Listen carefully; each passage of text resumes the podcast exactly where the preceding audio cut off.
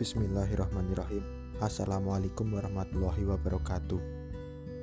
Kali ini di podcast ini kita akan membahas bahwasanya pelanggar PSBB bukan salah rakyat. Bagaimana penjelasannya? Bukan salah rakyat apabila melanggar PSBB dan protokol COVID. Salahkan penegakan hukum dan regulasi yang berlaku.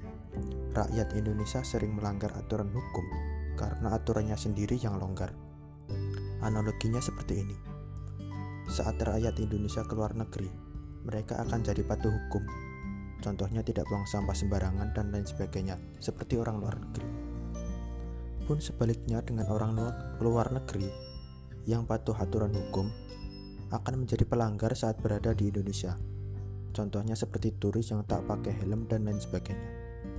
Jadi bukan masalah karakteristik suatu bangsa yang menentukan, tapi bagaimana penegakan hukum yang berlaku? Apakah sudah adil? Apakah sudah merata? Apakah sudah mengedukasi? Bagaimana mungkin melarang rakyat ke mall, tapi mallnya sendiri masih buka?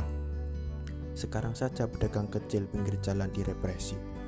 Bagaimana dengan pebisnis besar di luaran sana yang tidak patuh protokol COVID?